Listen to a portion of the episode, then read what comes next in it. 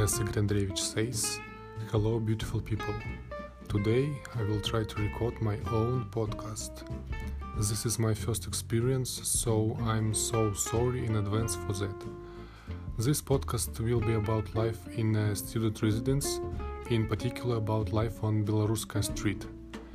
In their podcasts, I will tell you interesting and funny stories about life in a student residence, give useful tips and uh, life hacks. For example, today I will tell you how I settled in my room, how I met my neighbors, how we bought the necessary things, and uh, what mistakes we made. At the end of the podcast, I will tell a funny story about how my neighbor burned a slow cooker in the first days. And uh, I will do a teaser for the next episode. I think uh, this podcast will be interesting, fun, and useful. So uh, stay with us and uh, enjoy listening.